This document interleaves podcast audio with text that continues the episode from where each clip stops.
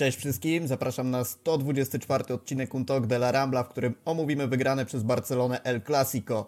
Jak zawsze zachęcamy do zostawienia subskrypcji na kanale, łapek w górę, oceny podcastu na Spotify. Zapraszamy również na naszego Patronite'a, gdzie za cegiełkę, cegiełkę finansową możecie wesprzeć rozwój naszej strony i naszego kanału. Link znajdziecie jak zawsze w opisie filmu, a tymczasem zaczynamy.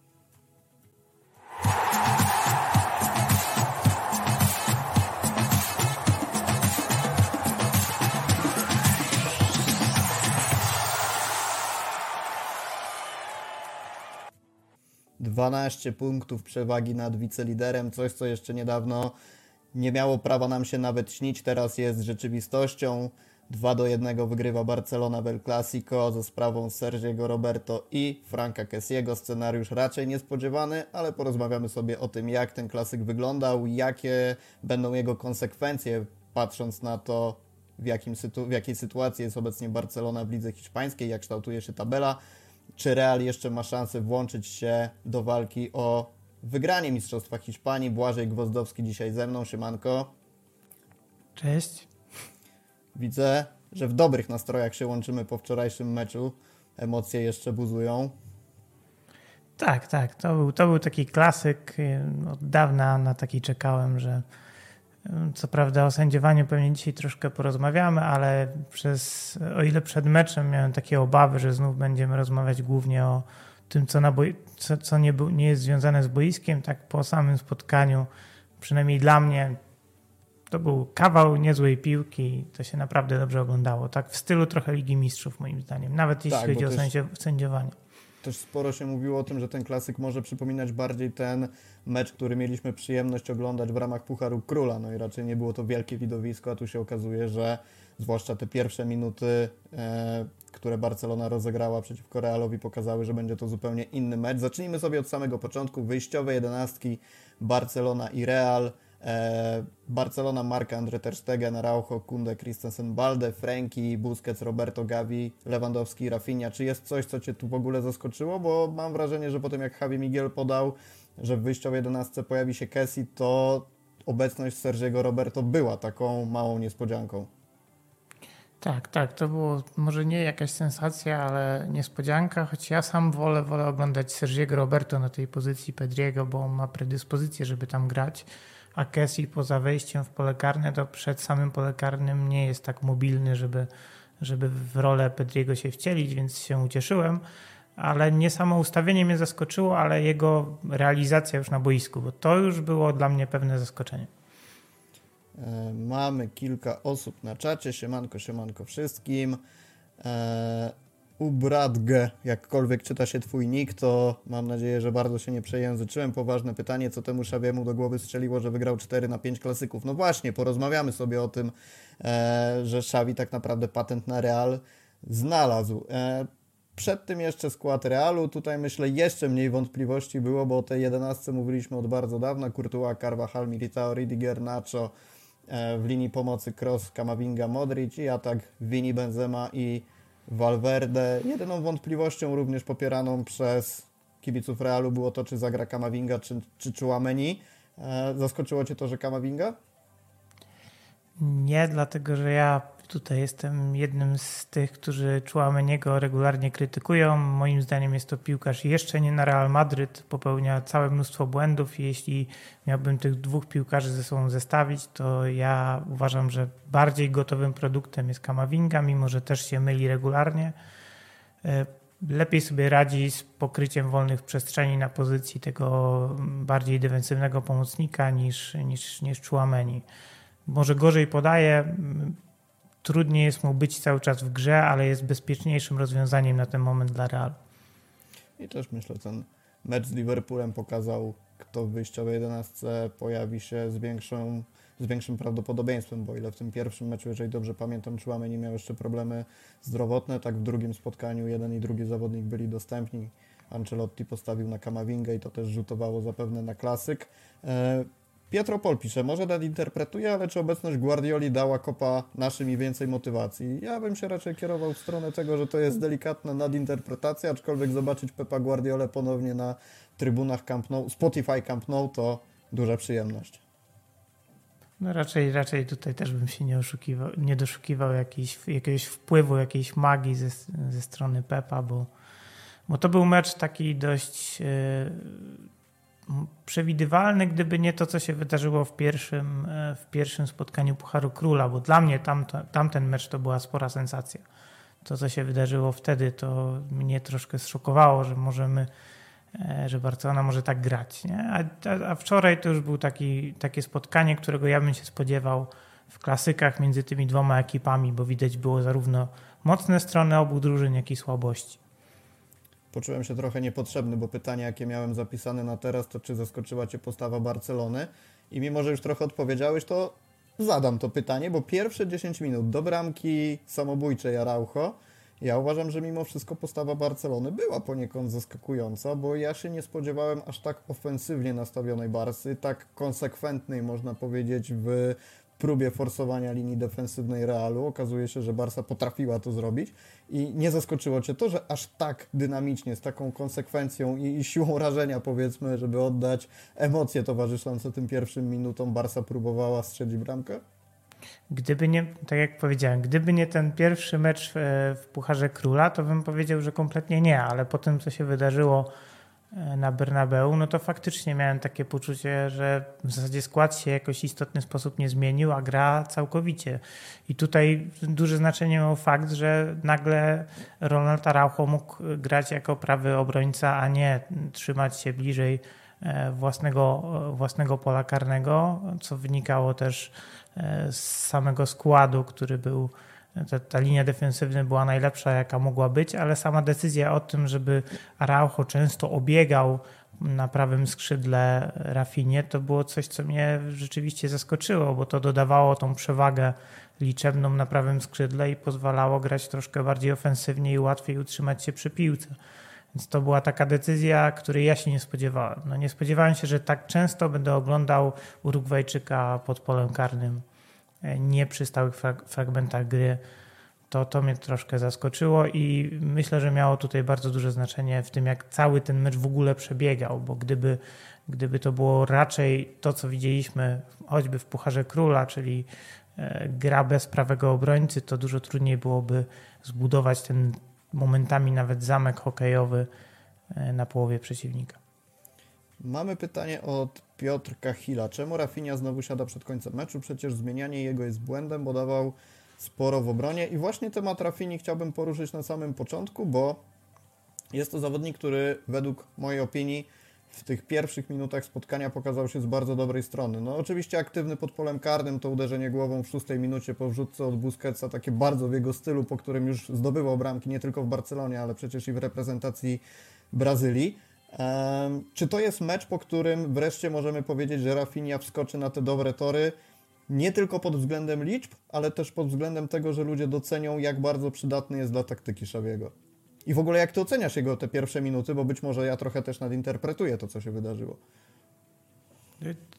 Wiesz co, znów on się trochę przesunął, jakby miał tak suwakiem przesuwać i po jednej stronie mieć efektywność, a po drugiej efektowność, to troszkę ten suwak w kierunku efektowności został przesunięty, ale ja nie widziałem jak, jakby takiej przemiany w samej, w samej korzyści dla zespołu w grze Rafini, bo on już od dłuższego czasu gra na podobnym poziomie. Dużo mniej dryblował w tym meczu e, niż, niż normalnie. Grał więcej podaniami. E, częściej pojawiały się schodząc do środka boiska i szukając tej swojej lewej, lepszej nogi.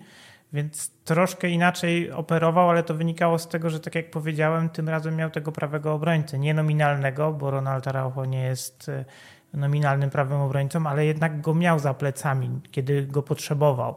Czyli ten Nacho był często związany, e, bo Vinicius e, nie, nie nadążał, nie był w stanie podążać za akcjami. Było kilka takich sytuacji, gdzie próbował i, i Urugwajczyk się bez problemu odrywał od, od, od Brazylijczyka, więc tym konkretnym meczu mógł grać tak jak lubi, czyli na prawym skrzydle, ale mając tego prawego obrońcę, który z nim współpracuje. I to troszkę odmieniło e, jego rolę w tym meczu. Mniej miał zadań defensywnych, mam wrażenie, co z kolei było związane z tym, że Roberto bardzo dużo e, pracy w defensywie wykonywał mimo gry w zasadzie na pozycji numer 10 i to wszystko przełożyło się na to, że Rafinha mógł troszkę swobodniej czuć się na boisku, grać efektowniej, ale jakbyśmy później przeanalizowali sobie, czy to dla zespołu było w tym meczu decydujące, to okazałoby się, że w zasadzie nie wykreował żadnej z bramek.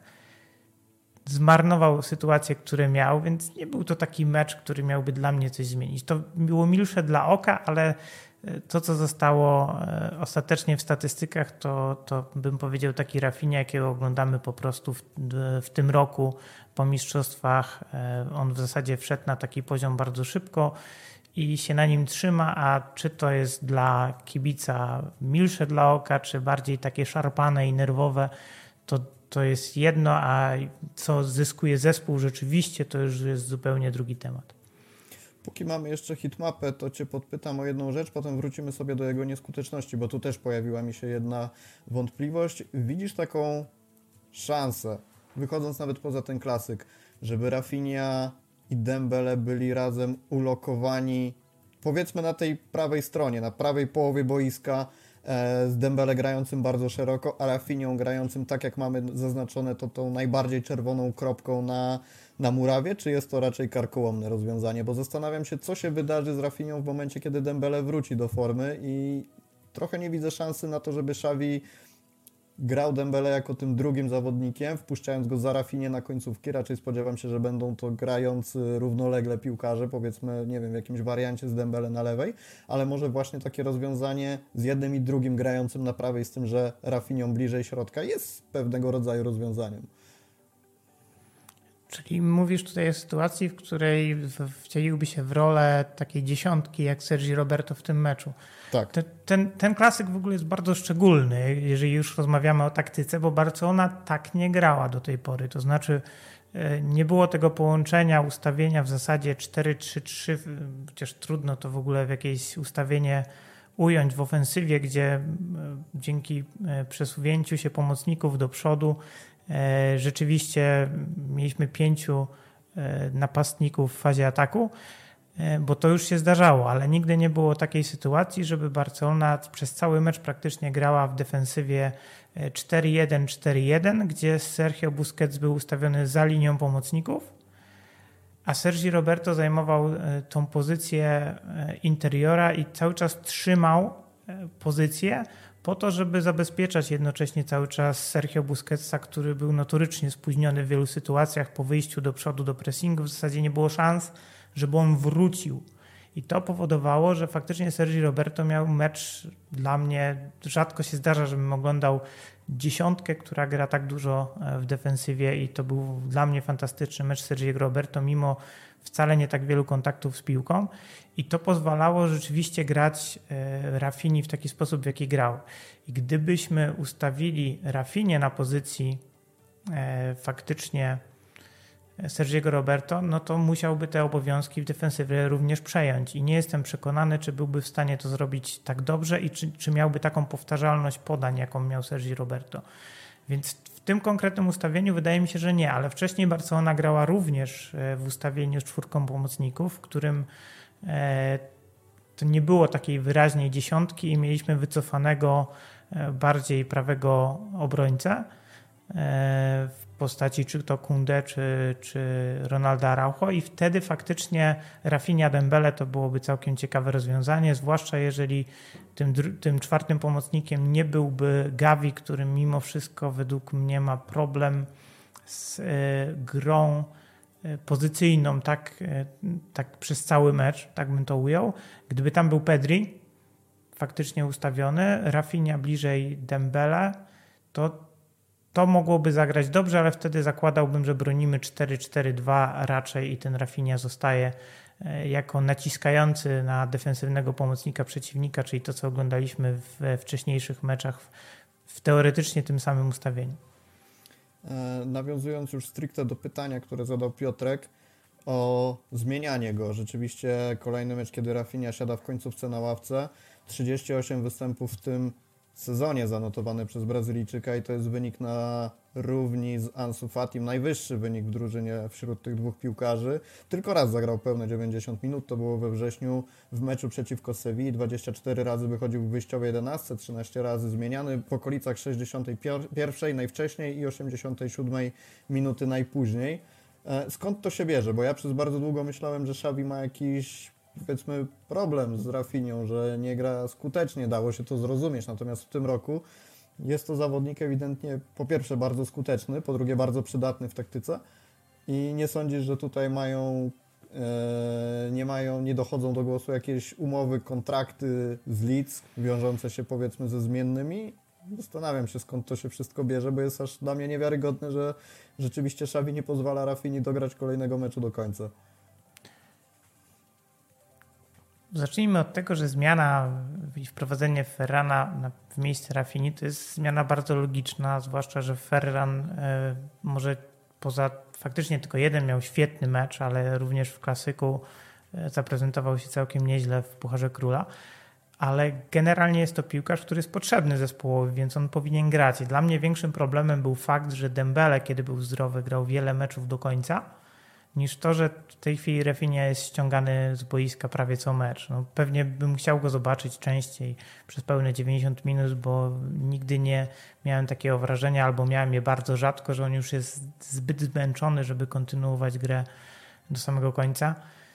E, ale też te zmiany są potrzebne i tak moim zdaniem Czawi w tym meczu za długo czekał ze zmianami i dał wejść w odpowiedni rytm Realowi po zmianach, kiedy na boisku pojawił się m.in. Rodrigo. I tym razem według mnie te zmiany też były odrobinę spóźnione. Ja bym też zmienił Rafinie, wprowadziłbym Ferrana być może nawet troszkę wcześniej, choćby po to, żeby wprowadzić piłkarza, który do kontrataków według mnie jest lepszym zawodnikiem, silniejszym na nogach, i troszkę prostsze rozwiązania wybierającym, bo Rafinha potrafi przekombinować i zmarnować kontratak, a Ferran wybiera dużo prostsze rozwiązania, więc według mnie było to logiczne akurat w tym spotkaniu.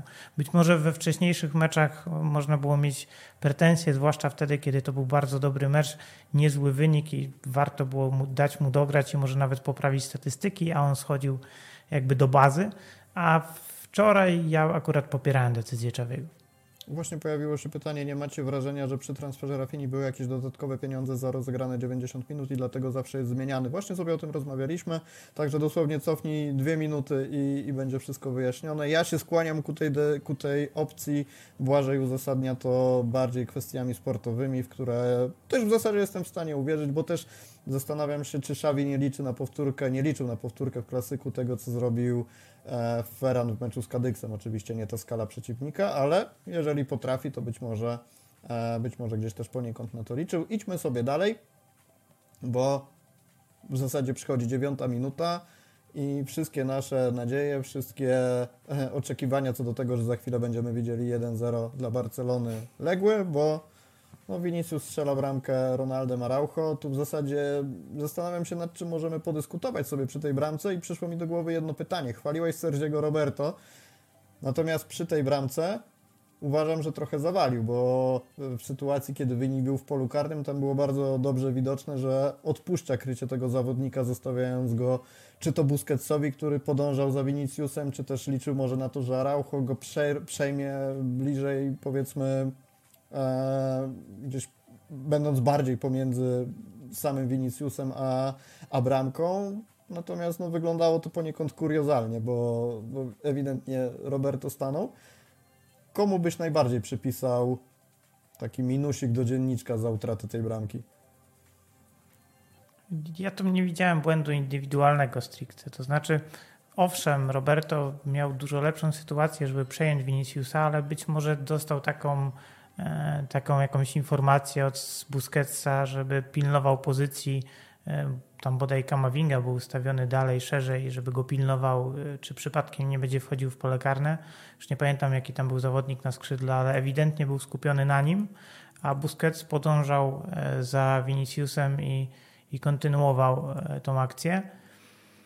I według, według mnie, no trudno tutaj tak przypisać jako jakiś, jak, jakąś winę jednemu zawodnikowi i cała ta bramka była dla mnie tak kuriozalna, że Umówmy się, przewaga w polu karnym była, zawodnicy byli dobrze ustawieni na pozycjach. No, ile, ile rozwiązań tej sytuacji doprowadziłoby do gola? Załóżmy, że celny strzał z ostrego kąta i błąd Tersteigena, czy nie wiem, jakiś kiks e, pilnujących w polu karnym stoperów. No było tak niewiele scenariuszy, które by do tej bramki doprowadziły, a i tak ten, który rzeczywiście się wydarzył, to już był chyba tym najmniej prawdopodobnym, bo z takiego ostrego kąta trafić e, piłkę głową do własnej siatki, to też, no umówmy się. Jakie były no na tak, to szanse? Tak. To, Więc to, co ja bym... było nagrane, jak Vinicius przechodził później koło Araujo i powiedział, że no po prostu e, miałeś pecha, coś takiego i no, chyba nie da się tego lepiej skomentować, bo tak naprawdę 100% przypadków w tym odbiciu piłki. Analizowanie tej akcji to jest dla mnie strata czasu. Uznajmy, że takie rzeczy się od czasu do czasu w futbolu zdarzają, musimy się z tym pogodzić i winienie tutaj któregokolwiek z obrońców za tą całą sytuację to jest dla mnie troszkę absurd. Już... Bardzo zgrabnie użyte słowo winienie. Eee... Natomiast cały klasyk opakowany był poniekąd tym, że jest to pojedynek Araujo z Viniciusem, bo też pamiętam, że jak sobie rozmawialiśmy o poprzednim klasyku, tym w ramach Pucharu Króla, to z Piotrkiem Baleją dyskutowaliśmy, że Araujo znowu schował do kieszeni e, Winiego. Nie miałem takiego wrażenia w tym spotkaniu i to nie tylko ze względu na tę sytuację, bo też fajną rzecz powiedział Sebastian Warzecha, jak rozmawialiśmy przed klasykiem, że jeżeli na 15 okazji 14 razy Araujo pokona Winiego, przyblokuje, zablokuje, wybije mu piłkę, nie dopuści do strzału, ale ten jeden raz Wini wygra pojedynek, zdobędzie bramkę, zdobędzie asystę, zrobi jakąś akcję prowadzącą do oddania strzału, to on i tak już jest w tym momencie wygrany i trochę miało to miejsce już teraz. Natomiast na przestrzeni nawet całego spotkania mam takie wrażenie, że Wini miał za dużo swobody. Ok, nie przełożyło się to bezpośrednio na kolejne bramki i jakieś stuprocentowe sytuacje, natomiast nie mam takiego wrażenia, że był to taki mecz, po którym moglibyśmy powiedzieć, że Araujo w 100% wywiązał się ze swoich zadań. Jak sądzisz? To, to był bardziej równy pojedynek, ale też, tak jak mówiłem na samym początku, tym razem Araujo był ustawiony tak już całkowicie na prawej obronie i ta przestrzeń między nim a Kunde była spora, zwłaszcza na początku spotkania i szybko pojawiał się tam Modric i powodował, że Araujo nie mógł tak całkowicie skupić się tylko i wyłącznie na na Viniciusu, Viniciusie i musiał rzeczywiście e, być troszkę bardziej szeroko jakby skoncentrowany, nie tylko na Brazylijczyku, ale musiał starać się analizować sytuację na bieżąco, co się dzieje wokół niego, bo zawsze za plecami starał się czaić e, Modric i to powodowało, że to był zupełnie inny mecz, dużo trudniejszy, taki mecz typowego prawego obrońcy przeciwko jednemu z najlepszych skrzydłowych w tej chwili na świecie, więc jakbyśmy przeanalizowali sobie cały ten mecz i to, co z, te, z, tej rywalizacji wynikało, to był całkiem równy pojedynek. Mnóstwo wygranych pojedynków Urugwajczyka, kilka naprawdę spektakularnych rajdów Viniciusa i okej, okay, taki jest futbol, no takie rzeczy się zdarzają. Mamy topowego e, obrońcę, mamy topowego skrzydłowego, raz jeden jest górą, raz drugi jest górą. W tym meczu to był bardzo równy pojedynek i na dodatek też taki bardzo fair, bo widać było, że obaj panowie sobie gdzieś tam dodają otuchy i gratulują, czy też pocieszają się wzajemnie. I to było coś, co bym chciał oglądać w każdym, w każdym meczu Barcelony. I wydaje mi się, że też Urugwajczyk jest takim piłkarzem, który budzi sympatię, nawet kiedy zagra gdzieś tam ostrzej, czy wejdzie mocniej, to zawsze od razu poda rękę, gdzieś pomoże wstać. To jest piłkarz, z którym chce się rywalizować tak na zdrowych warunkach i naprawdę mam nadzieję, że on całkiem niedługo stanie się kapitanem Barcelony. To pełna zgoda, też mam taką nadzieję. No, właśnie dobrze, że zwróciłeś na to uwagę, bo o tym też się sporo mówiło, że może to być mecz, który po raz kolejny podpali Winiego i będziemy go oglądać w tym trochę gorszym wydaniu, w którym toczy mecz przeciwko samemu sobie i chce pokazać, że jednak on jest górą, a niekoniecznie przełożyć to na dobrą grę Realu i fajne te rywalizacje z Araujo, to trzeba powiedzieć. I zgodzę się z tym, że Araujo rzeczywiście budzi taki sportowy szacunek, bo też tego zagrania, te ostre wejścia nie są obliczane na to, żeby zrobić krzywdę. Przecież to, co zrobił Paulista w meczu Realu z Walencją, za, za co wyleciał z czerwoną kartką, to było jakieś no, wojskowy bandytyzm, nazwijmy to wprost. Zupełnie bym się tego nie spodziewał na przykład po Araujo właśnie. E, o Christensenie widzę pytania na czacie, jest też o Fatim, ale o tym sobie będziemy rozmawiać jeszcze chwilę później, także e, jeszcze możemy otworzyć kącik, e, kącik nikomu niepotrzebnych ciekawostek, bo FBRF podaje taką statystykę, w której to co prawda jest podawane w yardach, ja to przeliczyłem na metry, jaką odległość pokonali piłkarze prowadząc piłkę. 371 metrów podprowadził piłkę Vinicius, drugi w Realu był Benzema 166 metrów, natomiast z Barcelony najlepszy był Franki 268 metrów. Może komuś się przyda, może ktoś kiedyś trafi do 1 z 10 i dostanie takie pytanie, to już wiecie, ile to było. Nie, a tak zupełnie serio mówiąc, to po prostu zaskoczyła mnie ta statystyka, bo widać było, że Vini bardzo dużo holuje tę piłkę. Natomiast nie sądziłem, że jest to aż taka przewaga nad, nad innymi zawodnikami, bo to jest przecież ponad 100, 103 dokładnie metry więcej niż Franki. Także oczywiście inne pozycje, inna rola na boisku i tak dalej. Natomiast skupiając się na samych liczbach, taka e, nikomu niepotrzebna ciekawostka. Pierwsza połowa upływała, były okazje Christensena właśnie, e, czy to po uderzeniu piętką, czy to po uderzeniu głową. Były uderzenia, uderzenie Rafini z dystansu, takie bardzo ładne, bardzo soczyste, które Kurtuła przeniósł nad poprzeczką. E, jak oceniasz reakcję Barcelony po stracie tej bramki? Bo ja mam wrażenie, że mimo ostudzenia trochę emocji i może już nie aż tak euforycznego atakowania na bramkę Realu, to odpowiedź była poprawna. To znaczy Barsa nie zamknęła się na swojej połowie strachu, oczekując na to, co zrobi przeciwnik, ale rzeczywiście konsekwentnie próbowała bramkę zdobyć. Tak, ale bardzo dobrze, że to się udało jeszcze w pierwszej połowie, bo było widać, że mecz właśnie wkracza w taką fazę troszkę cios za cios i to już mogło być niebezpieczne. Jeden czy drugi udany kontratak Realu i potem już byłoby się trudno podnieść i wrócić do tego spotkania. Bardzo dobry, że zagrał Christensen i to jest też duża jego zasługa, bo e, jeżeli mówimy o e, tej fazie po stracie bramki, to Barcelona zaczęła grać dużo wyżej, jeszcze wyżej niż zaczęła to spotkanie i jeśli mówimy, mówimy o tym, że ktoś kogoś e, sobie włożył do kieszeni, no to moim zdaniem Christensen Benzemę, bo to jak on go wykluczał z gry, czy wyprzedzał, e, uprzykrzał w ogóle grę. Ja mam wrażenie, że te 160 metrów, o których wspomniałeś, to Benzema przedreptał w kierunku własnego pola karnego, nie wiedząc co, zrobi, co zrobić z piłką. Więc e, tutaj duża zasługa faktycznie Christensena, że to mogło tak wyglądać, jak wyglądało, bo on był po prostu w tym meczu bezbłędny. I Barcelona dzięki temu uniknęła takich groźnych kontrataków w tej pierwszej połowie i e, ta bramka Sergiego Roberto troszkę ten mecz na nowo otworzyła i, i później oglądaliśmy takie też mocne otwarcie po przerwie, więc tak e, zdecydowanie Barcelona się nie wycofała, nie było widać tego, co często się zdarzało po takich ciosach, gdzie gdzieś morale opadało i takie przekonanie, że ten mecz można jeszcze wygrać się nie pojawiało, wręcz przeciwnie, było takie szukanie wzajemnych pretensji, czy też spuszczanie głowy. W tym meczu zdecydowanie tego nie było. I to jest dobra informacja, zwłaszcza po tym, co obserwowaliśmy w meczu z Walencją, jak Fati kłócił się z Ferranem, kto ma wykonać karnego. No teraz ani jednego, ani drugiego na boisku nie było, ale e, wiadomo, wiadomo jaka jest sytuacja.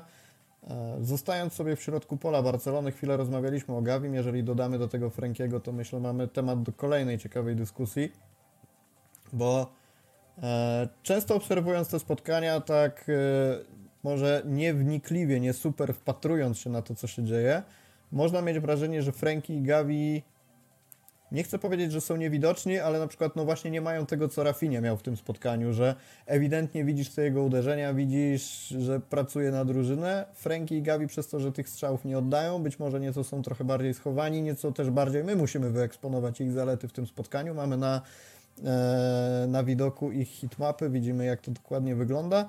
Mnie szczerze mówiąc zaskakuje, że Gavi rzeczywiście aż tak dużo pokazywał się na skrzydle według tej hitmapy, bo miałem wrażenie, że mimo wszystko grał bliżej środka, nawet gdybym miał obstawiać to e, bardziej tak, jak było to zaprezentowane w przypadku Rafini, ale jakby komentując to wszystko jednym składnym pytaniem, jak oceniasz przydatność Gaviego i Frankiego w tym meczu i czy możemy nazwać ich cichymi bądź też głośnymi bohaterami jako duet w tym spotkaniu. No na pewno troszkę inną rolę miał Gavi jako ten czwarty pomocnik akurat w tym meczu i ta hitmapa to nawet pokazuje, bo był bardziej faktycznie tym fałszywym skrzydłowym, który był obiegany.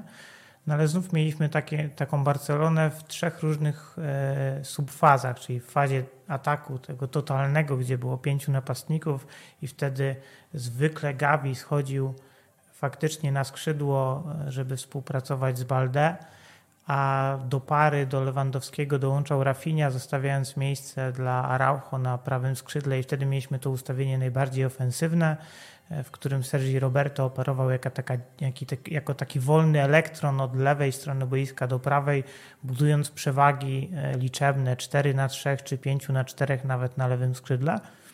E, I tam też Frankie de Jong był kluczowy, żeby tą przewagę liczebną na tym lewym e, skrzydle budować w ataku pozycyjnym. Natomiast kiedy trzeba było przejść w fazę defensywną, no to nagle Gavi się pojawiał e, stopniowo. Najpierw w środku pola jako ten pomocnik i tam rzeczywiście widzieliśmy go bardzo często, zwłaszcza w fazie pressingu czy w fazie próby przejęcia piłki już po stracie w tym troszkę niższym pressingu, nie takim wysokim.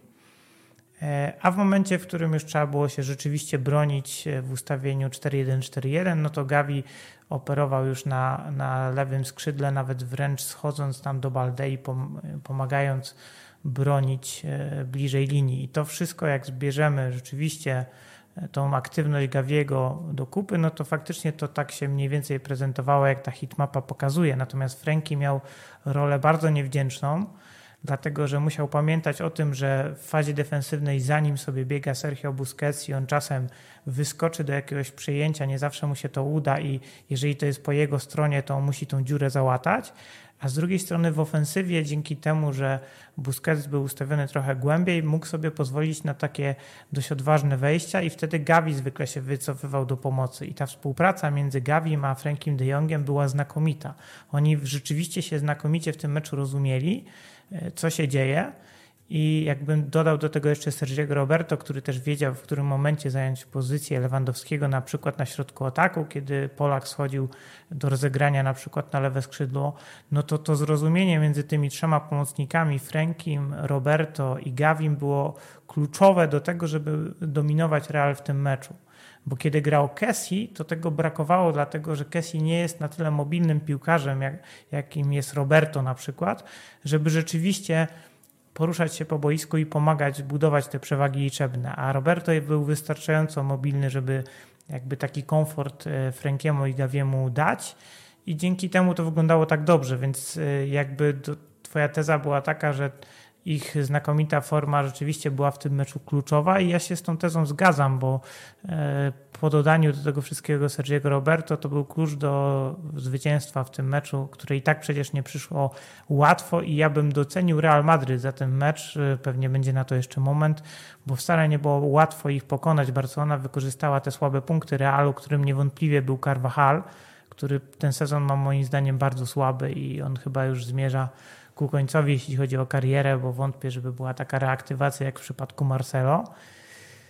E, I to się na pewno ceni, bo moim zdaniem Real to nie był ten sam Real, który był e, w poprzednich klasykach. To już był Real, który mógł bardzo łatwo skrzywdzić Barcelonę. E, nie przychodziło Barcelonie łatwo wygranie tego spotkania, zbudowanie sobie przewagi ale zastanawiam się, na ile była to kwestia tego, że rzeczywiście Real był dobry, a na ile kwestia tego, że Barcelona nie była skuteczna, bo jak sobie zbierzemy do kupy wszystkie te okazje, to mnie się przynajmniej w głowie rodzi takie pytanie, co by było, gdyby Lewandowski w dwóch sytuacjach przy strzałach z dystansu uderzył nieco lepiej, no to pierwsze uderzenie gdzieś w okolicach trzeciej minuty fantastycznie obronione przez bramkarza Realu, było też to uderzenie z dystansu, to już chyba było w drugiej połowie, kiedy lewą nogą uderzał i piłkę zablokował Militao, no te okazje Rafini, o których mówiliśmy. Czy jesteś przekonany, że rzeczywiście to było tak, że Real był taki doskonały taktycznie, a nie to, że to Barcelonie ciut zabrakło, żeby strzelić bramkę, bo jeżeli dobrze pamiętam, no 17 strzałów, 11 celnych, to rodzi, mówię, rodzi mi się taka wątpliwość, czy rzeczywiście możemy tutaj z pełnym przekonaniem powiedzieć, że to Real Barcelonę za, zatrzymał. Strzałów celnych było akurat chyba 7, o ile dobrze pamiętam, ale już mniejsza z tym. Chodzi o to, że Ja nie mówię, że Real zagrał doskonałe spotkanie w defensywie, bo Real nie jest w stanie grać w defensywie tak dobrze i to, że na bokach obrony grali Nacho i Carvajal, to były słabości tego Realu, które Barcelona całkiem dobrze w tym meczu wykorzystywała. Natomiast jeżeli spojrzymy na to w ogóle, jak padały bramki i przykładowo strzał Sergiego Roberto, no to o tym się za mało mówi, jak trudny to był strzał, bo on strzelił, on miał piłkę pod nogami, on strzelił spod nogi i musiał jeszcze tą piłkę na tyle dobrze podkręcić, żeby minęła e, ona obrońców, którzy się znajdowali przed nim. I to był technicznie naprawdę trudny strzał, żeby w ułamku sekundy podjąć taką decyzję i spod nogi, bez jakiejkolwiek nawet możliwości przechylenia się od piłki, żeby e, to uderzenie nabrało siły, zmieścić ją przy wiemy jak dużym zasięgu Kurtuła w bramce, więc to, było, to była sytuacja w żadnym razie nie stuprocentowa i myślę, że większość piłkarzy na placu nie potrafiłoby zamienić tej okazji na gola. I podobna sytuacja z, Fra z Frankiem Kessie, który dostał tą piłkę, musiał ją przepuścić, a ona to nie było takie lekkie podanie, czyli on musiał ją, w zasadzie musiał przepuścić ją na tą prawą swoją nogę i widział, że już będzie zaraz obrońca Realu wykonywał ślisk, więc to też dla mnie nie była w żadnym razie sytuacja stuprocentowa. Ba, uważam, że z pomocników, którzy grają obecnie w Barcelonie, prawdopodobnie żaden e, z pozostałych nie byłby w stanie tej akcji zakończyć bramką, więc e, takich okazji stuprocentowych to Barcelona miała według mnie jedną, taką naprawdę stuprocentową i to była sytuacja rzeczywiście Rafini, który gdyby wpuścił tą piłkę w kozioł, to pewnie mielibyśmy gola, ale mimo wszystko uderzył dobrze, tylko Courtois zachował się znakomicie i ten strzał wyciągnął. A Mówisz poza o tej tym, sytuacji, co uderzał głową? Tak, dokładnie tak.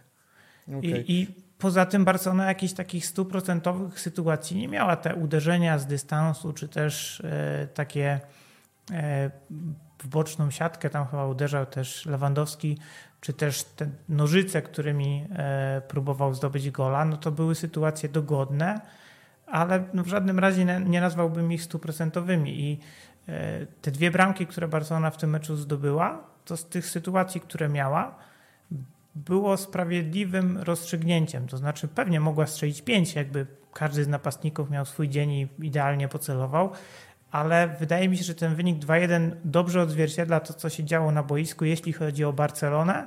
Natomiast ta jedna bramka strzelona przez Real to i tak było dość dużo e, szczęścia, bo w ataku faktycznie Real wyglądał e, no już dużo słabiej. E, chodzi dużo lepiej niż w klasyku. To, to jest zresztą paradoks, że w tamtym meczu, w którym dominował przez większość spotkania, stworzył sobie zdecydowanie mniej dogodnych sytuacji niż w tym klasyku, w którym no, miał z gry zdecydowanie więcej.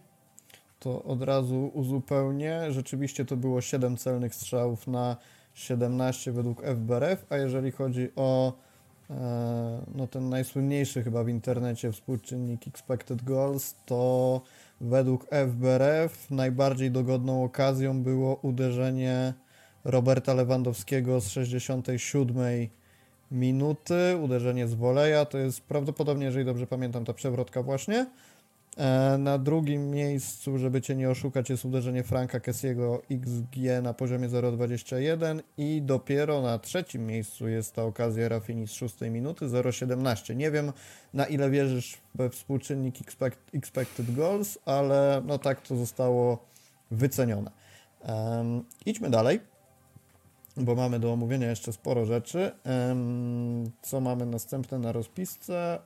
E, Gavi. Wracamy sobie do Gaviego, bo poza tym, że był przydatny taktycznie, to był też znowu zapalnikiem w dyskusjach między kibicami Barcelony a Realu. I no oczywiście to, co nam się wysuwa na pierwszy plan, to te bardzo, bardzo popularne na Twitterze i generalnie w internecie e, urywki, kiedy Gavi wbiega w Sebajosa w 88 minucie spotkania Coś, co nawet zostało przytoczone przez Relevo, e, korzystam ze źródła realmadryt.pl, że Hiszpanie będący w składzie Realu Madryt są ponoć bardzo wkurzeni na młodego zawodnika Barcelony i wręcz na zgrupowaniu kadry reprezentacji Hiszpanii chcą z nim porozmawiać, aby jakoś ukrócić te jego zachowania. E, znalazłem bardzo, trzy bardzo ciekawe komentarze, które były pod tym newsem. Pozwolę sobie zacytować. Pepe by mu zniszczył karierę jednym wejściem. Drugi komentarz, masaż pleców od Pepego by mu się przydał. i trzeci w takich chwilach człowiek tęskni za Ramosem i za Pepe. Oni by go szybko oduczyli takich zagrań. E, nie oceniam tych wypowiedzi, chociaż pewnie domyślacie się, co mi chodzi po głowie, natomiast najlepiej to oddaje nastroje, jakie kibice mają w stronę Gawiego, nie tylko po tym spotkaniu, ale w zasadzie po wszystkich klasykach, jakie miały miejsce z udziałem tego piłkarza.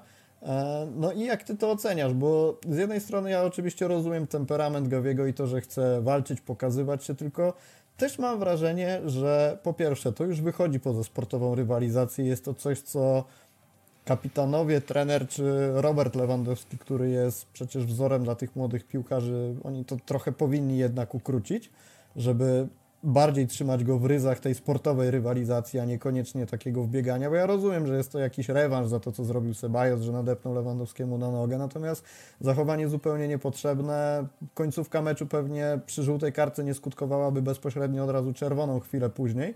Natomiast uważam zachowanie zupełnie niepotrzebne. I, I co ty uważasz na ten temat, bo może nie zgadzasz się ze mną? No tu akurat się zgadzam i co więcej, nie wiem czy pamiętasz na początku kariery Gawiego, to można było odnieść takie wrażenie, że sędziowie dają takie wychowawcze żółte kartki szybko jemu, żeby się uspokoił. I to działało kojąco na tego piłkarza, bo miałem wrażenie, że później grał spokojniej dzięki tym żółtym kartkom i już tak nie szalał. A te, odkąd przestali mu te żółte kartki rozdawać, to on zaczął no, troszkę przesadzać, zwłaszcza kiedy zmęczenie jeszcze zaczyna wchodzić w grę, gdzieś w dalszej części spotkania potrafi e, tracić chyba zdrowy rozsądek, którego i tak nie ma w nadmiarze. Więc faktycznie jest to kłopot i Oczywiście to wejście w Sebajosa, no umówmy się, bo tam krzywdy nie zrobił. Pewnie gdyby tam był wspomniany przez ciebie Pepe, to by się od niego odbił jak od ściany, a Pepe by biegł dalej, a on by leżał gdzieś na tej murawie, więc nie, nie, nie rozpatruję tego zagrania jako czegoś, za co powinno się obejrzeć czerwoną kartkę, bo to byłby absurd. Przypomnijmy sobie, nie wiem, na przykład sytuację e, z Sebajosem ciągnącym za włosy Gawiego i tam też nie mieliśmy jakoś szczególnie e, długiej debaty o to, co powinno być za to zagranie.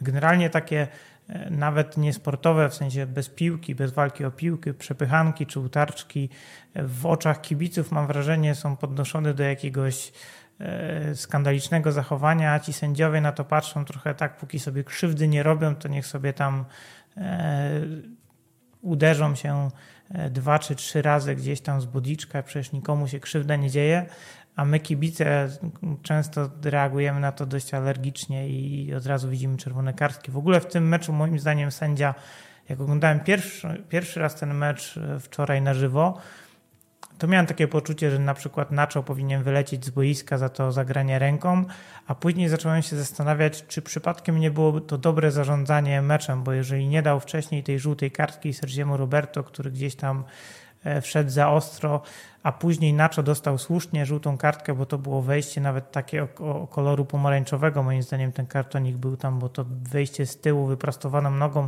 jak sobie przeczytamy w przepisach gradację gradację faktycznie e, przewiniem, bo jest coś takiego w przepisach, no to to zagranie spełniało wiele z warunków, które powinno spełniać zagranie karane czerwoną kartką, czyli duży impet, wejście od góry, prawie że wyprostowaną nogą z tyłu, e, więc można powiedzieć, że tam nawet mogła być czerwona kartka dla, dla Nacho.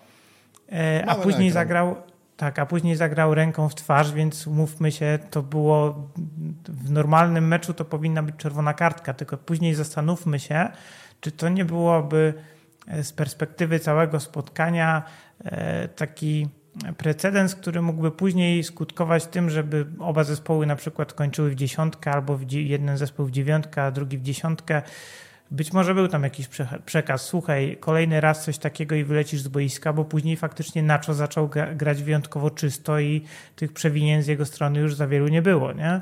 Natomiast w przypadku Gawiego wydaje mi się, że ta żółta kartka dużo wcześniej za któreś z jego takich nawet dość miękkich zagrań, taka wychowawcza za na przykład e, intensywność w jego grze, akurat sprzyjałaby poprawie jego gry w tym meczu, bo moim zdaniem momentami przesadzał. Ale szczerze mówiąc, bardzo dużo się mówi o tej sytuacji Gawiego, bo no nie ukrywajmy, to jest Gawi. Jak cokolwiek mm -hmm. by nie zrobił, to zaraz jest o nim głośno, bez względu na to, czy to był jakiś drobny faul, czy taka sytuacja, jaka miała miejsce wczoraj. Natomiast rzeczywiście ta sytuacja z Nacho, którą mamy teraz na ekranie, mam na myśli tę, w której uderza Rafinie łokciem, przed ramieniem, dłonią, e, moim zdaniem umknęła nieco kibicom, bo w zasadzie mogłaby być tak samo szeroko komentowana jak ta sytuacja z Gavim, bo umówmy się, no jest to pierwsza połowa, czerwona kartka dla Nacho diametralnie zmienia obraz spotkania moim zdaniem przy tym, że Real miałby grać w dziesiątkę, ale zajrzałem sobie jeszcze na czat i Malibu pisze, tak jak wyżej napisali, gdy oni mieli Ramosa, Pepe i Casemiro i innych pajaców typu Koisen, Trao i Arbiol, to git, ale Gavi im przeszkadza. Ja tu poniekąd rozumiem, bo tak samo jak my się denerwowaliśmy na tamtych zawodników, na Ramosa, Pepe i Casemiro chociażby, to tak samo oni się denerwują na, na Gaviego i w zasadzie no nie spodziewam się po Gavim aż tak chamskich zagrań, jak miało to miejsce na przykład w przypadku Pepe, kiedy kopał e, obrońcę bodajże Hetafe wtedy po plecach, to no, gdzieś wiem skąd to się wszystko bierze i, i skąd kibice Realu mają w sobie aż tyle niechęci do tego młodego zawodnika. Natomiast, no ja szczerze mówiąc liczę na to, że ten chłopak ma przecież ile? 18 lat. Być może otoczony nieco bardziej doświadczonymi kolegami e, będzie w stanie się uspokoić i, i przekierować tę swoją sportową agresję na, na bardziej jakościowe grania, a niekoniecznie na takie, takie zachowania. Zobaczymy. Trochę na to liczę, ale też nie chciałbym, żeby e, Gavi pod wpływem nazwijmy to nacisków trenera czy innych zawodników, stał się takim bezjajecznym kolejnym piłkarzem, jakich mieliśmy w historii Barcelony już mnóstwo, bo o tym też rozmawialiśmy sobie z Maćkiem Miko, czy gdyby miał szansę wyeliminować z jego gry taką zadziorność i doprowadzić go powiedzmy do bardziej przeciętnego poziomu, jeżeli chodzi o poziom sportowej agresji, to czy by to zrobił? Maciek ewidentnie jednoznacznie powiedział, że nie, że takiego człowieka potrzebujemy. Pozdrawiamy serdecznie Maćka, jak jesteś na czacie, to wyślij jakieś pytanko, odpowiemy sobie. Um, idziemy dalej. Myślę, że możemy już przeskoczyć sobie do drugiej połowy. W zasadzie nie wiem, czy chcemy omawiać przebieg tej drugiej połowy aż tak bardzo dokładnie, chyba że Tobie coś przychodzi do głowy takiego, co rzuciło Ci się bardzo dosadnie w oczy, bo ja mam wrażenie, że obraz aż tak bardzo nie zmienił się. To znaczy Barcelona atakowała, Real próbował znaleźć swoją szansę do tego, żeby zdobyć bramkę. Nie wiem, czy tobie się rzuciło coś takiego w oczy, co warto tutaj wywlec na pierwszy plan. No to przede wszystkim te zmiany, które były troszkę za późno e, w przypadku Czawiego, bo był taki moment, kiedy Real rzeczywiście zyskał takie przekonanie, że tutaj zaraz padnie bramka i ja zacząłem się też tego obawiać, że ten mecz wejdzie w taką trochę fazę jak ten pierwszy mecz e, w Pucharze Króla, gdzie Barcelona się bardzo głęboko broniła i że to będzie wyglądać tak do końca. I w momencie, w którym ta padła bramka, bramka Asensje, to sobie pomyślałem już, że no dobra, to teraz jakby zmiana tego chipu, że nagle teraz musimy atakować, to będzie naprawdę trudne dla tej drużyny, tak. która już się skupiła na tym, że to 1-1 to jest dobry wynik.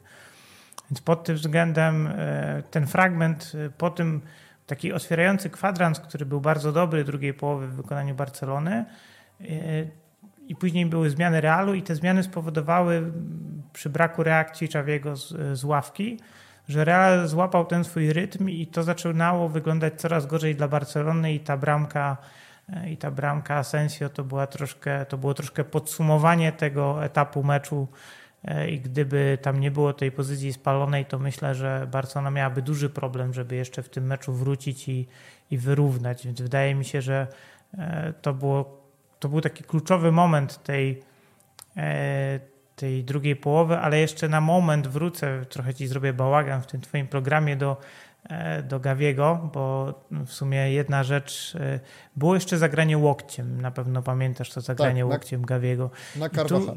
I to był dla mnie taki przykład tego, jak kibice potrafią jakby wypaczyć postrzeganie przepisów i tego, jak wygląda jak to wygląda w rzeczywistości, bo moim zdaniem w całym tym spotkaniu jedyną decyzją świadomie błędną, jaką podjął sędzia, to było nieodgwizdanie faulu e, Nacho na Rafini, który by musiał skutkować tym, że da mu rzeczywiście tą E, czerwoną kartkę, dlatego że gdyby on zgwizdał ten faul nie, faul nie miałby wyjścia. Musiałby dać żółtą kartkę i w efekcie czerwoną. Nie, nie było jakby in, innego rozwiązania. Natomiast przymknięcie na to oka było, a może tam, tam tylko, tylko dotknął go dłonią po twarzy, odpuszczam to, bo wcześniej Sergi Roberto nie dostał żółtej, Nacho dostał żółtą, to powiedzmy, że tutaj też nie ma tej żółtej kartki i gramy dalej. Więc to było moim zdaniem taki świadoma decyzja sędziego. Natomiast świadomy błąd, bo wiedział, że popełnia prawdopodobnie błąd. Natomiast jeśli chodzi o tą sytuację z Gawim i zagraniem łokciem, to pamiętajmy, że nie każde zagranie łokciem to jest faul. I między innymi jednym z kryteriów jest to, co my robimy z rękami, czy one gdzieś lądują wyżej, czy to jest na wysokości twarzy, czy jest to normalny ruch jak w trakcie biegu. I w tej sytuacji Gawiego rzeczywiście była to sytuacja, w której trudno było ocenić, że to jest celowe podniesienie ręki. To był taki dość naturalny ruch do tyłu ręką, który podczas poruszania się zawodnika moim zdaniem jest całkowicie e, dozwolony i w takiej sytuacji trafienie i to takie dość mocne, solidne w twarz sędzia mógł zinterpretować jako zwyczajną boiskową sytuację, która nie jest przewinieniem, bo to też w przepisach można przeczytać, że nie każdy łokieć jest w ogóle przewinieniem i ten E, rywal, który gdzieś tam w, w, próbuje kryć bardzo blisko przeciwnika, musi zdawać sobie z tego sprawę, że jeżeli znajduje się na wysokości naturalnego ruchu ręki i łokcia, no to może oberwać w twarz, natomiast no nie, nie musi na to uważać, kiedy e, gdzieś tam łokieć szybuje na wysokości głowy zawodnika, e, no to wtedy faktycznie to jest przewinienie. Więc moim zdaniem tutaj sędzia doskonale to wszystko widział. Wiedział, że Carvajal nie udaje, podbiegł do niego, spytał, czy jest wszystko w porządku.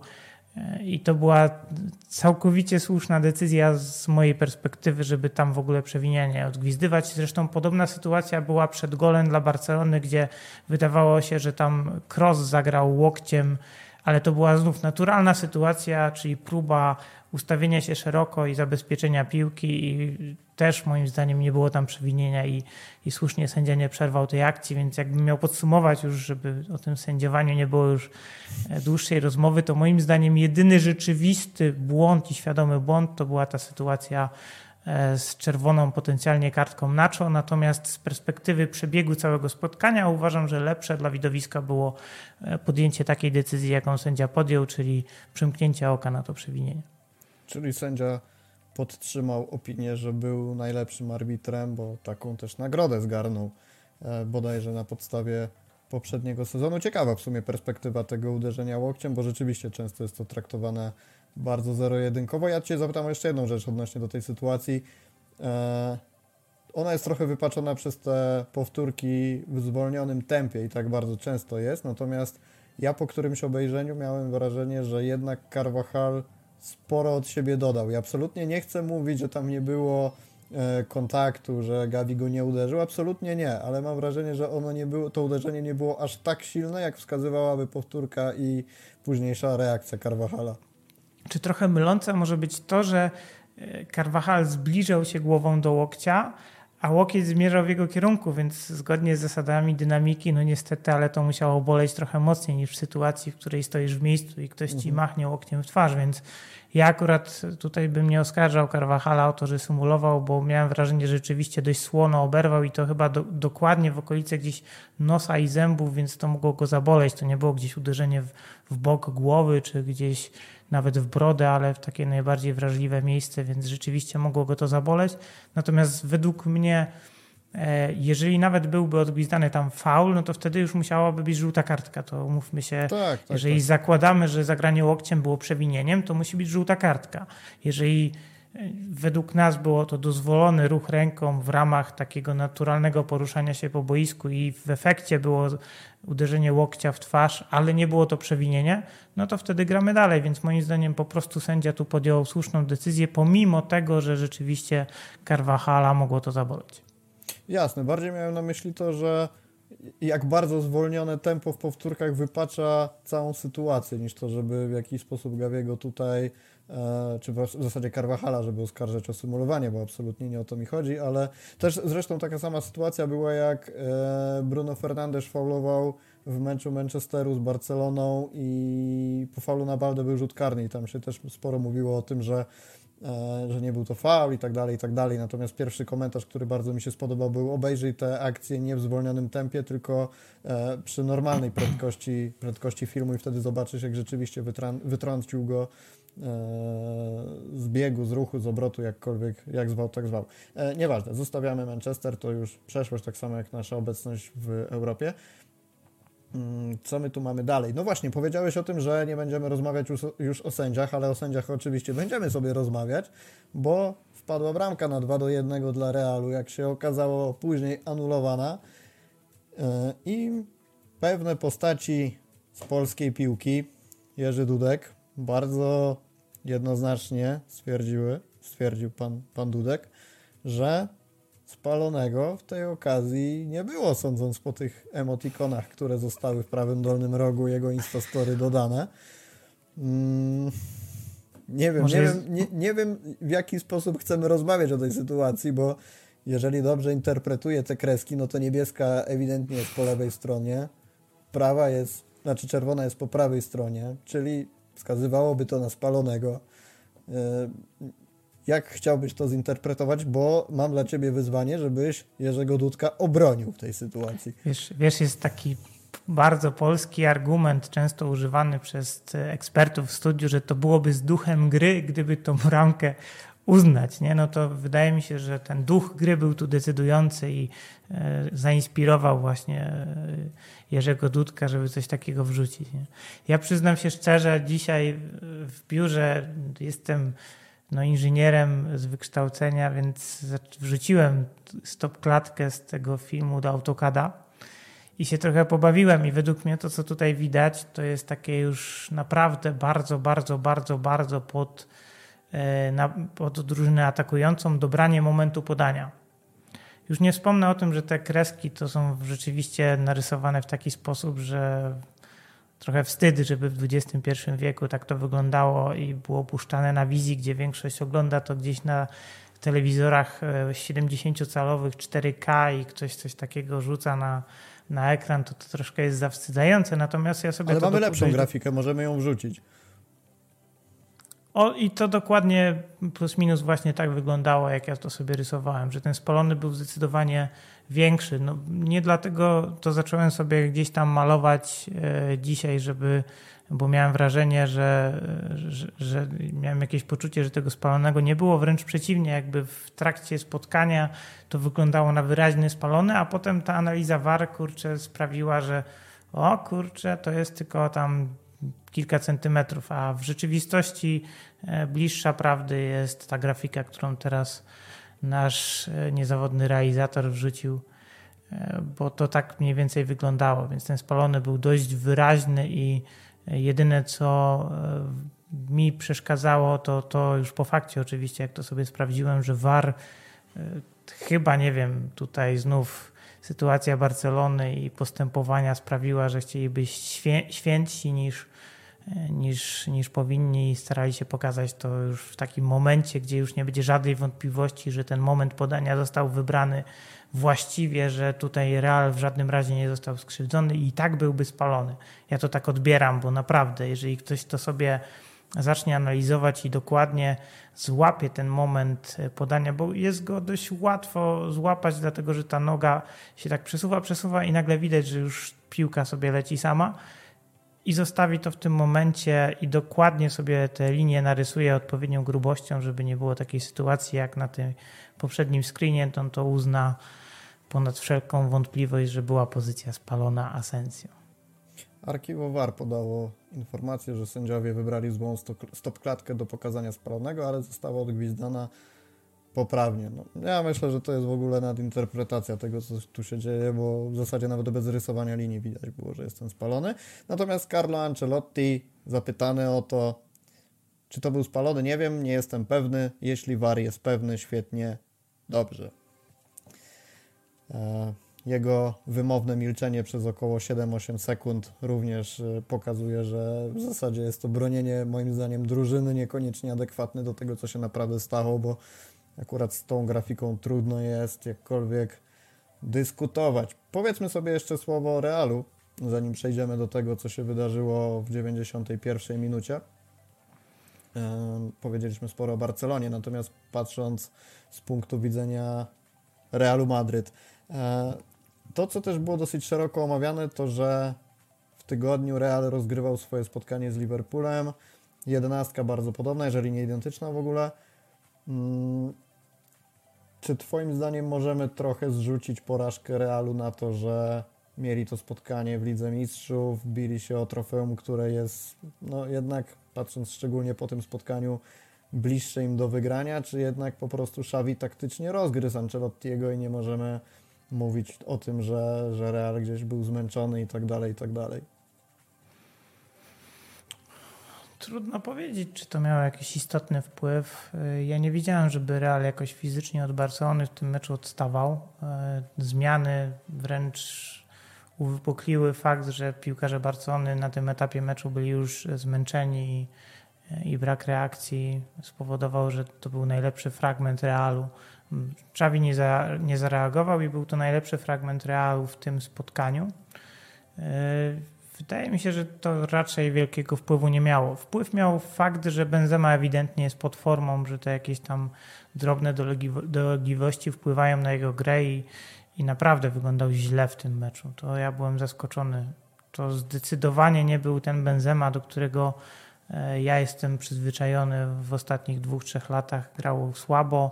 Christensen go uprzedzał w zasadzie w każdej sytuacji, w której powinien to zrobić, to był przed nim, więc E, tutaj to faktycznie miało wpływ, że realnie ma takiego napastnika, którego mógłby za Benzemę wprowadzić i zyskać na tym wtedy, kiedy Francuz jest w gorszej formie.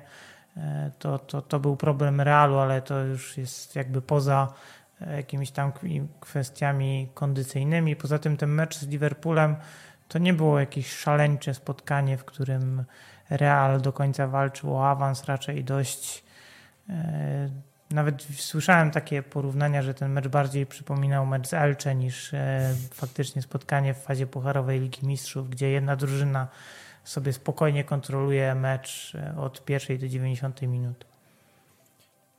Ja się zastanawiam, czy aby na pewno sprowadzać Liverpool do poziomu Elcze, natomiast wiem o co chodzi, tym bardziej biorąc pod uwagę to, jaką zaliczkę miał Real e, w tym spotkaniu. Zastanawiam się, co sądzisz o pomyśle. Pytałem o to Sebastiana Warzecha też. E, odnośnie do zastępowania Benzemy, Rodrigo na pozycji numer 9. Od pierwszej minuty. Bierzemy pod uwagę, że Benzema trenował, natomiast wiemy, że pewnie nie na pełnych obrotach. Wiemy, że gdzieś ten uraz mu doskwierał. E, czy nie byłoby to lepszym rozwiązaniem? No wiadomo, że trudniej się to omawia, znaczy trudniej bądź też łatwiej e, omawiać to wszystko po, po spotkaniu, gdzie wiemy, że Benzema zagrał beznadziejny mecz. Natomiast czy nie można było wyjść z założenia, że skoro, skoro Benzema w całym tym sezonie nie jest jakimś najcudowniejszym zawodnikiem, plus dochodzi mu uraz, e, plus Real potrzebuje zawodników w pełni sił, to wystawić na pozycji właśnie dziewiątki Rodrygo, a Benzemę posadzić na ławce? Trudno, trudno. Nie wiem.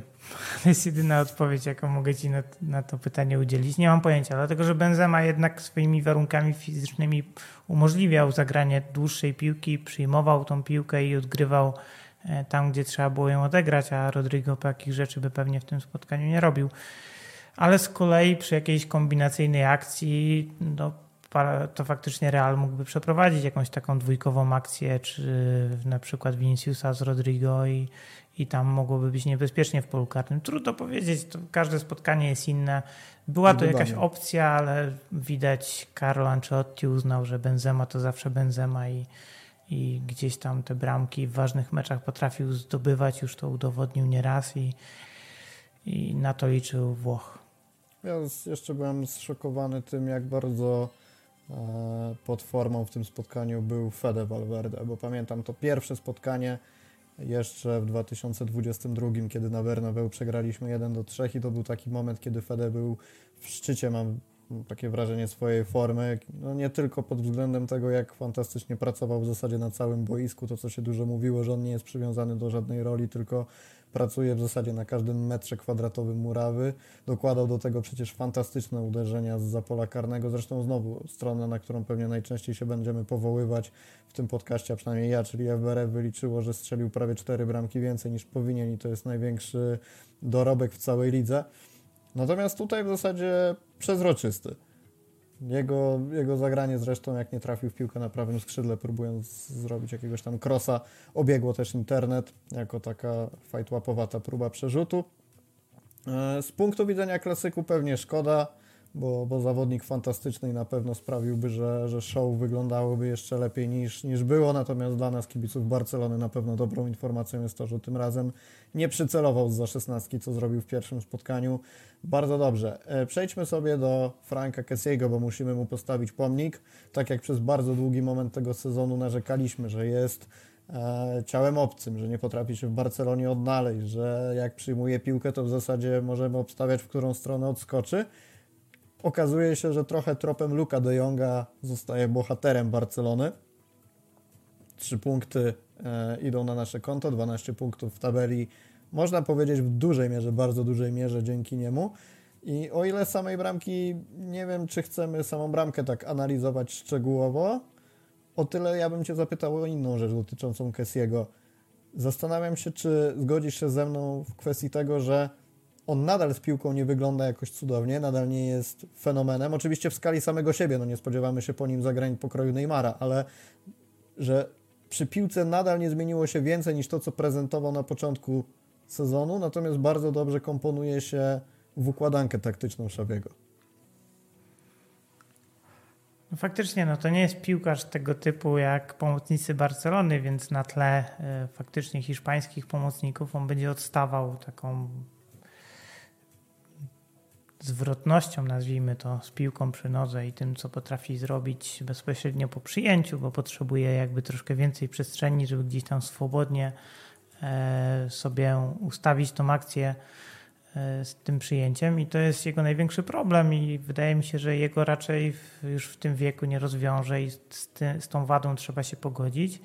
Natomiast faktycznie Czawi znalazł dla niego takie taką rolę tak, taktyczną, która jest y, troszkę zbieżna z tym przejściem na czwórkę pomocników, bo w momencie, w którym on gra w czwórce pomocników i może być tym jednym z wyżej, jak nie najwyżej wysuniętym pomocnikiem, to wtedy y, to, co on jest w stanie zrobić w defensywie, to jest taka wartość dodana, bo wtedy od tego od niego się nie oczekuje, bo drużyna zwykle wtedy, kiedy wchodzi Kessie, bardziej jest skupiona na defensywie niż na ofensywie, a z kolei pod bramką przeciwnika on się potrafi znakomicie gdzieś tam w obrębie tego pola karnego, czy nawet w samym polu karnym ustawiać, bo poza tą sytuacją z bramką, gdzie on z premedytacją się wycofał, bo wiedział, że cała akcja pędzi w kierunku bramki i że największe szanse będzie miał dostać tą piłkę, kiedy się troszkę zatrzyma, spowolni i ustawi odrobinę dalej od, od bramki.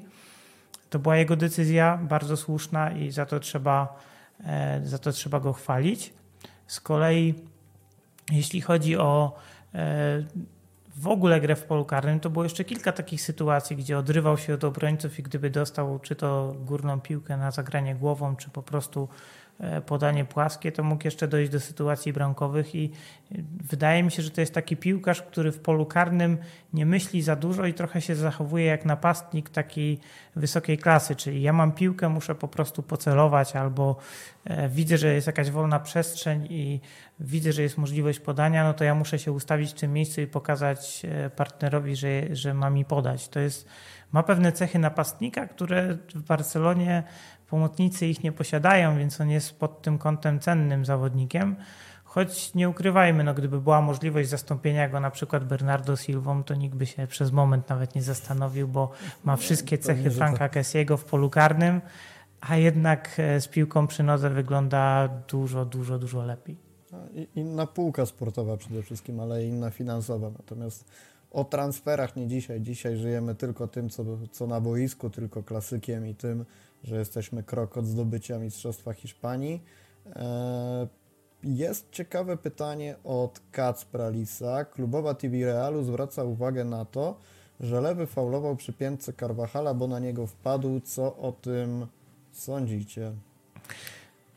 Nie powinniśmy rozmawiać o telewizji propagandowej, bo inaczej tej telewizji w tej chwili już nie można nazwać. I to przekraczają granice w niektórych momentach tak, że trudno się do tego odnosić. Mi się zawsze wydawało, że ta telewizja klubowa jest od, od, tego, żeby produkować jakieś takie zupełnie najczęściej nudne materiały archiwalne i młócenie tego wszystkiego, e, co zespół gdzieś tam osiągnął przez lata w koło Macieju, a tutaj widać, że jest ostra kampania, która ma e, jakby na celu wpływanie, wywieranie presji na, na to, żeby to sędziowanie też dla Realu było troszkę korzystniejsze, ale przede wszystkim, żeby przedstawić Real jako tą drużynę najbardziej e, w tym wszystkim pokrzywdzoną. Ja rozumiem, że sytuacja jest teraz e, nawet obiektywnie ją przyjmując sprzyjająca, żeby coś takiego robić, ale tu już są, mam wrażenie, granice przekraczane na każdym kroku i mówienie o tym faulu.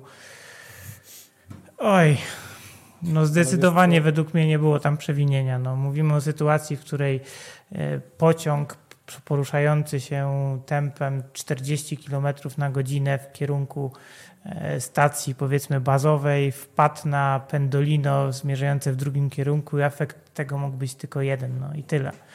Nie było czekaj, tam żadnego czekaj, przewinienia. kalkulator, policzymy to, bo to brzmi jak jakieś dobre zadanie. Bo tu, nie wiem, ekierka będzie potrzebna?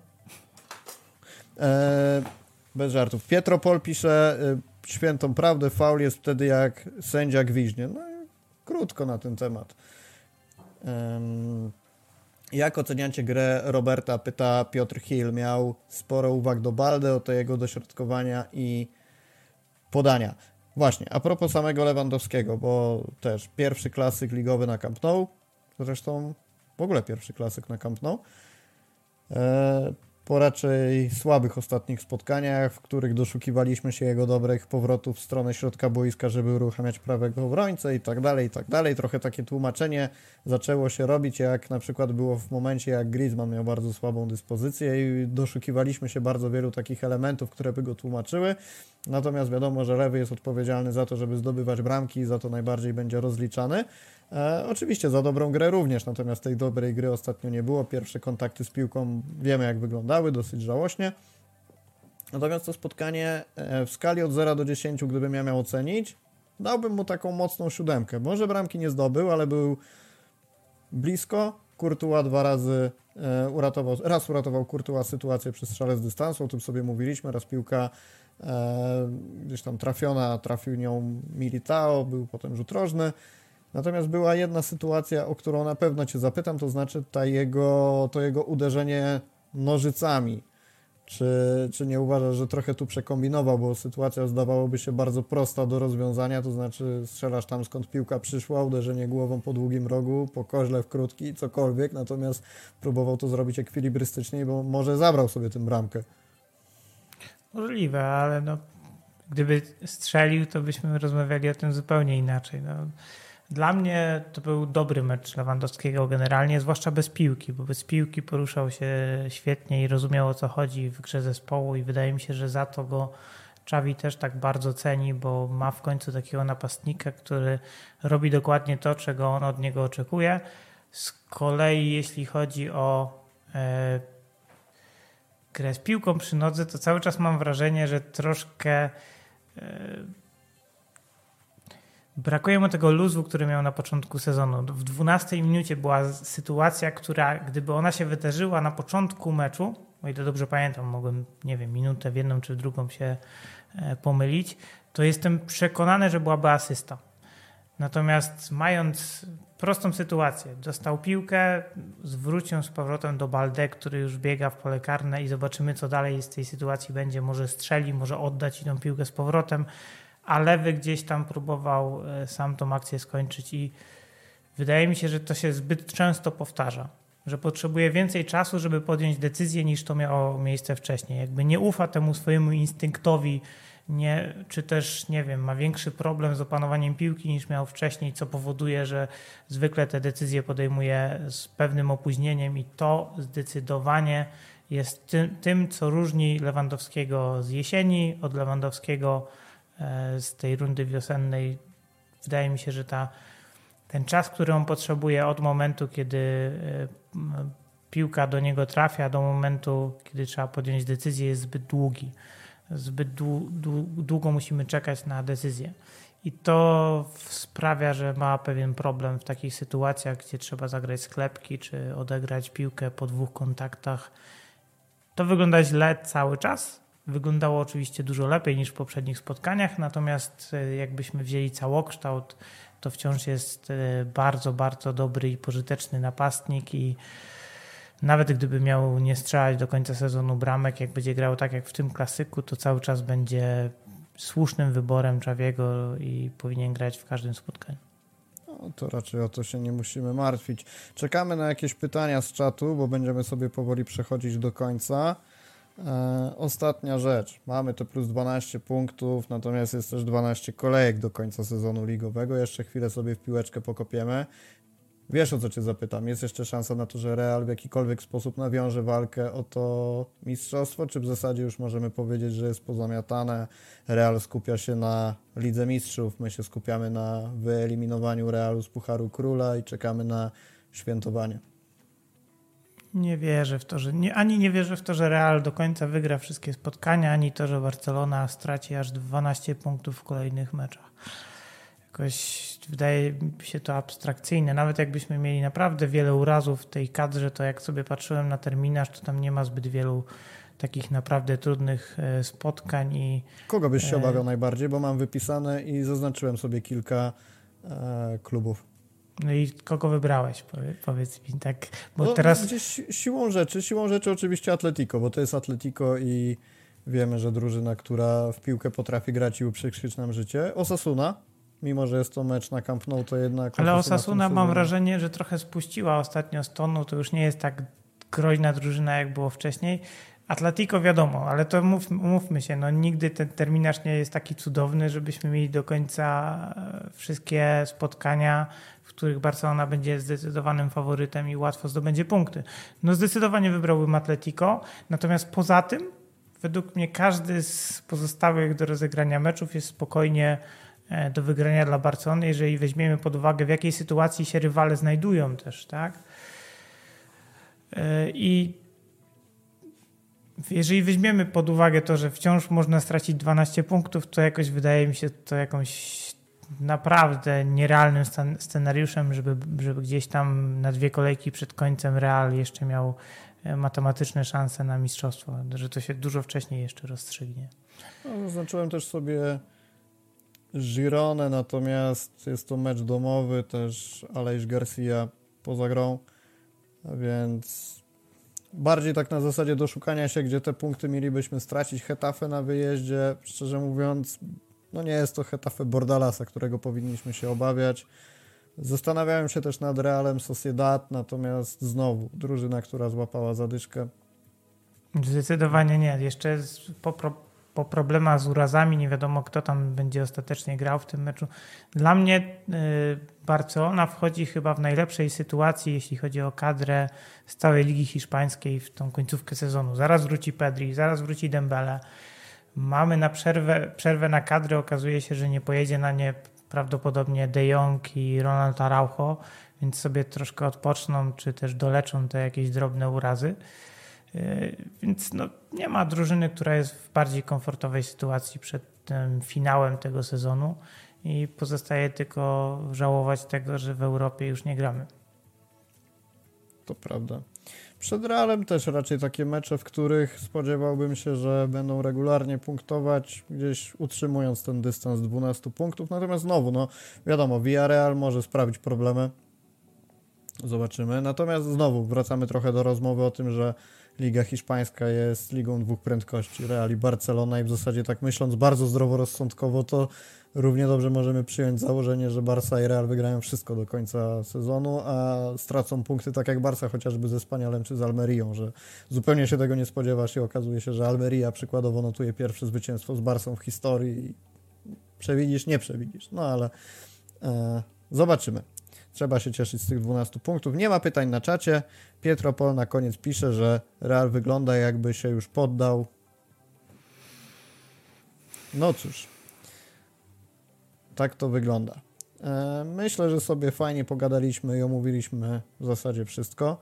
Będziemy mieć jeszcze klasyk w ramach półfinału Pucharu Króla. Na pewno będziemy też się łączyć. My wcześniej zagramy z Elche na wyjeździe, Real z Realem Valladolid na Santiago Bernabeu. W zasadzie dwa mecze do odhaczenia i do zdobycia trzech punktów przez jedną i drugą drużynę. Chyba, że ty Błażej masz jakiś temat jeszcze na koniec, który chciałbyś poruszać, to poruszyć. To scena jest twoja, mikrofon jest twój. Po klasy, o klasyku chyba już powiedzieliśmy wszystko, a na tematy bardziej ciekawe dla nas, jeszcze przyjdzie czas. Czyli nie dotykamy amortyzacji Negreiry. Trochę mi przykro, ale ro, rozumiem, że to jest zapowiedź tego, że będziemy o tym rozmawiać w innych odcinkach. No pewnie jest to nieuniknione. Oby jak najpóźniej, oby w jak najprzyjemniejszej atmosferze dla nas. Błażej Gwozdowski. W sumie no? mam jeszcze takie rzutem na taśmę. Aż bo, się poprawię na krześle. Tak, popraw się, bo mam do ciebie pytanie, bo ciągle ty mi zadajesz pytania, ja mam w sumie, wydaje mi się, bardzo dobre pytanie i ono jest umotywowane tym, że ten temat już powoli zaczyna się rozwijać w mediach społecznościowych, na Twitterze, coraz więcej osób ten temat porusza. Brzmi Mamy trudno, ustawienie. Nie wiem, czy się nie muszę rozłączyć. Mamy ustawienie z czwórką pomocników, nie? Ono działa. Możemy ustawić Kundę i Araujo na prawej obronie. Leo Messi na pozycji numer 10. Bierzesz mnie pod włos z tym tematem, bo wiesz, że jakbym miał do wyboru dwa guziki, Messi wraca do Barcelony i Messi nie wraca do Barcelony, to kliknąłbym, że wraca i pewnie mógłbym tego finansowo bardzo żałować. Finansowo mówię z punktu widzenia e, Barcelony. Natomiast kurczę, no powiem Ci tak, z jednej strony jak najbardziej umiejętności Messi wiadomo jakie ma i że jakkolwiek powiedzenie nie temu piłkarzowi, patrząc na to szczególnie, co pokazał na mundialu, kiedy jest zmotywowany, kiedy potrafi dobrze wkomponować się w zespół i wie po co jest w drużynie. No, to jest gwarancja nie tylko liczb, ale i widowiska. Tego i tego Barcelonie brakuje. Zresztą gdzieś było takie zestawienie, że jesteśmy obecnie drużyną, która idzie na mistrza z jedną z najmniejszych, najmniejszego stosunku bramek do, do spotkania na, E, w ogóle gdzieś tam w historii, więc to też ciekawa, ciekawa statystyka. Ciekawe, jak przyjście Messiego by to zmieniło ewentualnie w przyszłym sezonie. Kurczę, no to trudne pytanie o tyle, że, że wiesz, no jestem fanem tego zawodnika. Czyli nie takie i, trudne. I cholera jasna, z punktu widzenia taktycznego jednak, jakkolwiek byś go nie wpuścił do tej drużyny, to jest dla niego miejsce. No nie oszukujmy się, że Niejednokrotnie widzieliśmy, jak w PS, że jest ustawiony i czy to jest pozycja numer 10, czy skrzydłowy, czy gdzieś cofający się zawodnik gdzieś za linię koła środkowego, to, to potrafi zrobić robotę, więc też takie komentarze widziałem, że rozmawianie jakiekolwiek o tym, czy wkomponowałby się sportowo w drużynie są bezcelowe, bo, bo wkomponowałby się i te, te liczby by generował, więc moim zdaniem jest to rozmowa sprowadzona głównie do tego, czy, czy stać nas na niego finansowo, a nie czy, czy sportowo by coś wniósł. Jeszcze jest jeden argument tutaj istotny. E, ja jestem na tak pod jednym warunkiem. I to, I to, tak, nie powiem, że tak jak ty, bardzo przekonany, ale uważam, że byłoby to do zrobienia, ale jest jeden zasadniczy warunek. Nie ma Sergio Busquetsa e, w jedenastce, bo jeżeli byśmy oczekiwali tego, co robił jeżeli byśmy oczekiwali tego, co robił Sergi Roberto Leo Messiego, to byśmy się bardzo rozczarowali.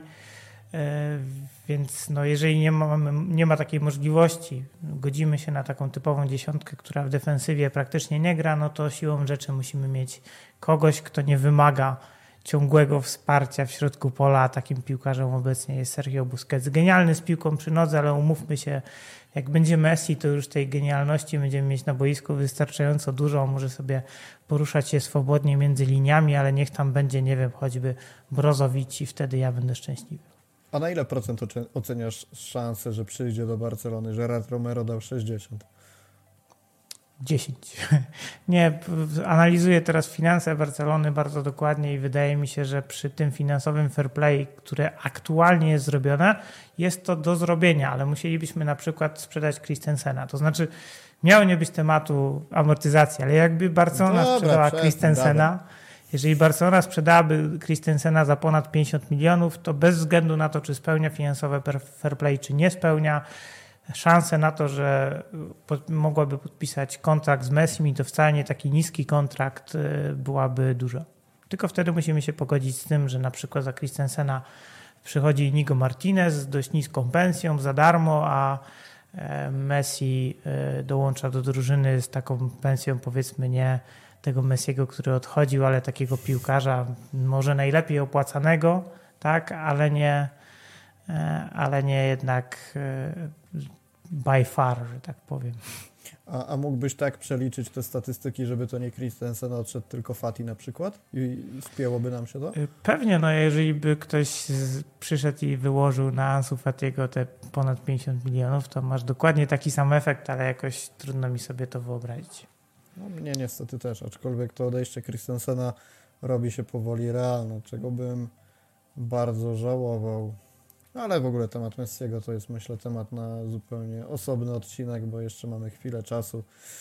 Także kończmy, zamykajmy temat pozytywnym akcentem 12 punktów przewagi. Błażej Gwozdowski, dzięki bardzo. Dzięki, do zobaczenia, do usłyszenia.